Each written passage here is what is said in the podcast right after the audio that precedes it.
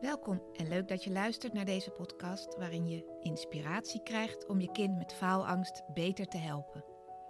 Mijn naam is Mariette Diets en samen zorgen we ervoor dat jouw kind een fijnere schooltijd krijgt. Dit is de Pubers met Faalangst podcast.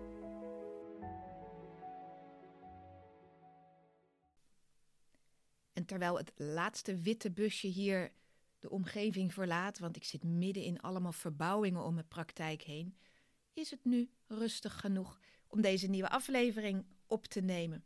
En vandaag heb ik een heel leuk onderwerp om met je te doen. Dat gaat namelijk over uh, hoe krijg je jezelf in de juiste stemming, in de juiste staat om een goede prestatie te leveren.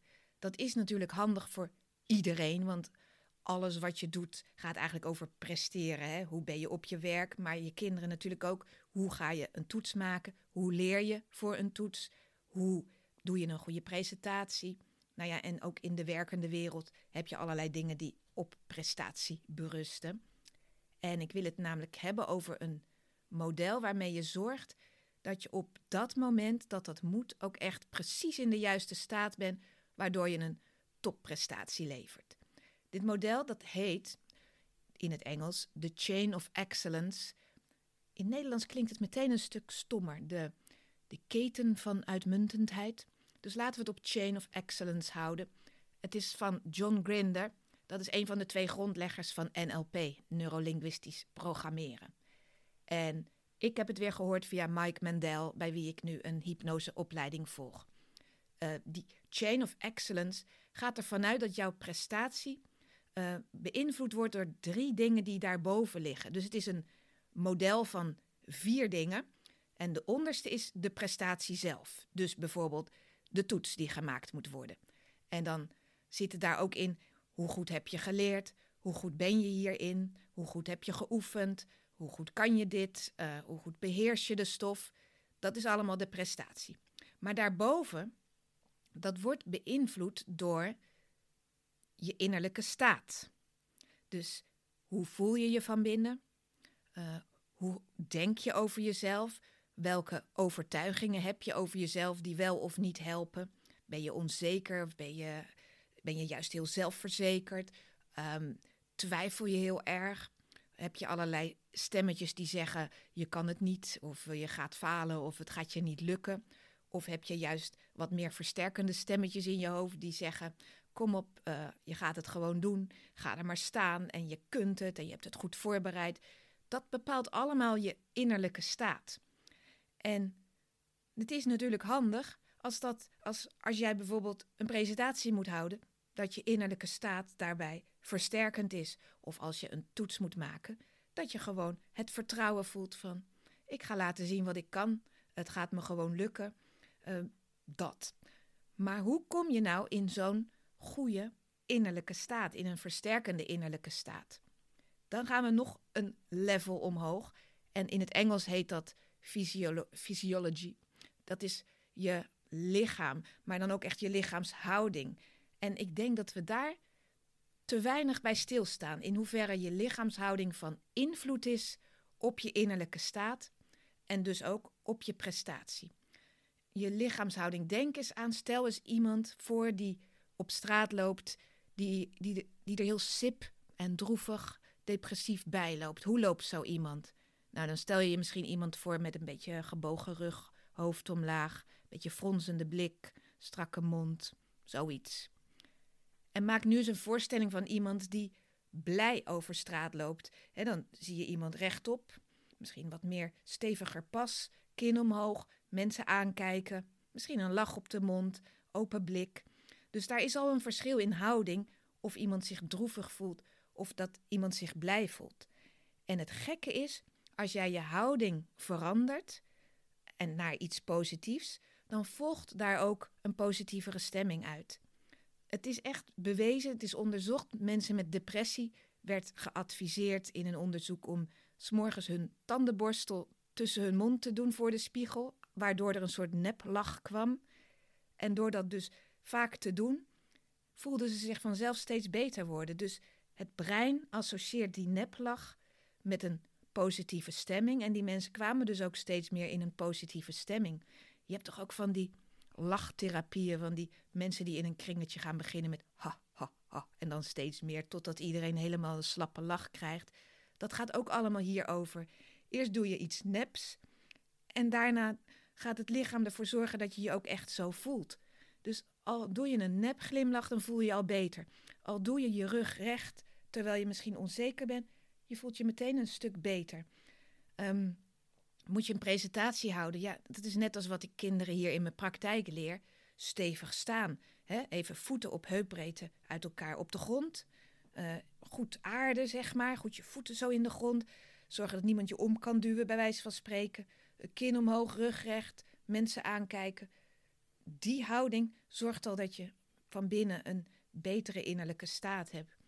Dus als we het vertalen naar jouw kind wat moet gaan leren en een beetje hangerig is en een beetje depri doet en een beetje fronst en onzeker is, neem je kind mee naar buiten. Ga even lachen, ga even springen, zet een lekker muziekje aan.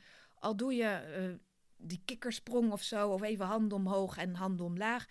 Iets even om je lichaam te bewegen. Want het zinnetje motion changes emotion is echt waar. Dus beweging verandert je emotie. Beweging is gewoon zo goed voor je. Je innerlijke staat verandert meteen. En daardoor kun je dus ook beter leren, beter je toets maken of betere presentatie houden of wat dan ook. Dus we hebben nu drie niveaus behandeld. Het onderste niveau, hè, de, de prestatie zelf, met wat je daarvoor allemaal hebt voorbereid en in hoeverre je dat überhaupt kunt, hoe je die vaardigheden beheerst. Daarboven is je innerlijke staat. Hoe voel je je op dat moment? Hè, wat gaat er allemaal door je heen? Wat denk je allemaal? Daarboven je lichaamshouding. Super belangrijk dus, want dat beïnvloedt alles daaronder. En dan is er nog één niveau wat daarboven alles bepalend is. En je zult het niet geloven hoe simpel het is, maar dat is de ademhaling. En daarom wordt er zoveel geademd in de wereld bij yoga, bij van die vechtsporten en al die dingen. Je ademhaling bepaalt allerlei stofjes in je brein, die weer bepalen hoe je houding is, die weer bepalen hoe je innerlijke staat is en die bepaalt weer hoe je prestatie is. En daarom is het zo belangrijk en daarom focussen al die faalangsttrainingen en mindfulness dingen zo op ademhalen, omdat dat zoveel processen in gang zet in je lijf, waardoor alles daaronder beter gaat. En ik weet het van kinderen in mijn praktijk die zeggen: Ja, ik heb al faalangsttraining gehad. Ja, we moesten alleen maar een beetje ademhalen. Ze vinden het niet leuk. Ze vinden het stom en ze snappen het nut er niet van. Maar een goede ademhaling, een goede lage ademhaling, daar heb ik trouwens zelf ook wat in te leren. Dat zorgt ervoor dat al die processen lekkerder gaan. En dan is het bijvoorbeeld meer tellen uitademen dan je inademt. Vier tellen in, elf tellen uit, hoorde ik bij Mike Mendel zeggen. Dus vier en dan uit.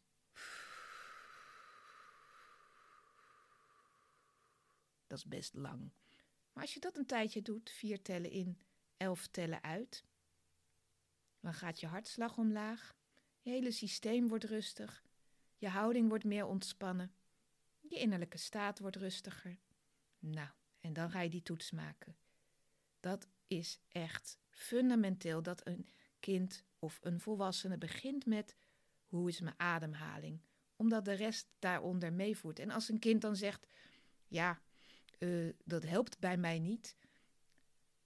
Ga het nog eens ervaren en leg dit verhaal ook eens uit. Van ademhaling beïnvloedt je lijf, je lijf beïnvloedt je innerlijke staat en je innerlijke staat is superbelangrijk op het moment van een prestatie.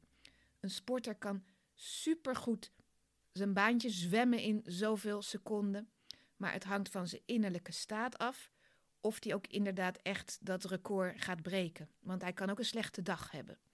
En die innerlijke staat wordt weer beïnvloed ook door de lichaamshouding, misschien hoe die die dag is opgestaan, hoe die naar de wedstrijd is gegaan. En dat wordt weer beïnvloed in hoe ademt hij op dat moment. Dus mooi ook om aan je kind uit te leggen dat al die dingen invloed hebben op elkaar en dat je dus zelf ook invloed hebt in je staat waarin je die prestatie moet leveren. En natuurlijk is die onderste ook belangrijk van hoe heb je je voorbereid op je presentatie, op je toets. Ik heb hier wel kinderen in mijn praktijk die een presentatie niet hardop oefenen thuis. Nou, dat is wel een vaardigheid die ik erbij vind horen. Als je iets maakt, ga je het ook hardop oefenen. Ja, maar ik vind het zo eng om mijn stem te horen. Ja, als je voor de klas moet presenteren, hoor je ook je stem. Ga het dan in ieder geval ook thuis oefenen. Dus die basis moet wel op orde zijn. Dat je de stof beheerst, dat je durft te presenteren. Maar dan is de innerlijke staat op dat moment nog belangrijker van hoe komt het er allemaal uit. En daarboven dus je lichaamshouding, je lichaam, je fysiologie, zoals de Engels dat zeggen, physiology. En daarboven de ademhaling. Nou, ga er eens mee experimenteren bij jezelf en leg het eens uit aan je kind. En ik ben heel benieuwd wat jullie hiermee kunnen en ja, wat het jullie oplevert. Dus laat me dat eens weten. En dan uh, wens ik je nog een fijne dag en tot de volgende keer. Bedankt weer voor het luisteren naar de Pubers met Faalangst podcast. Wil je met mij sparren over jullie situatie? Dan kun je altijd een gratis kennismakingsgesprek inplannen via www.dietscoaching.nl. Vind je deze podcast interessant? Abonneer je dan en geef hem een goede review. Dat helpt mij enorm om nog meer ouders te bereiken.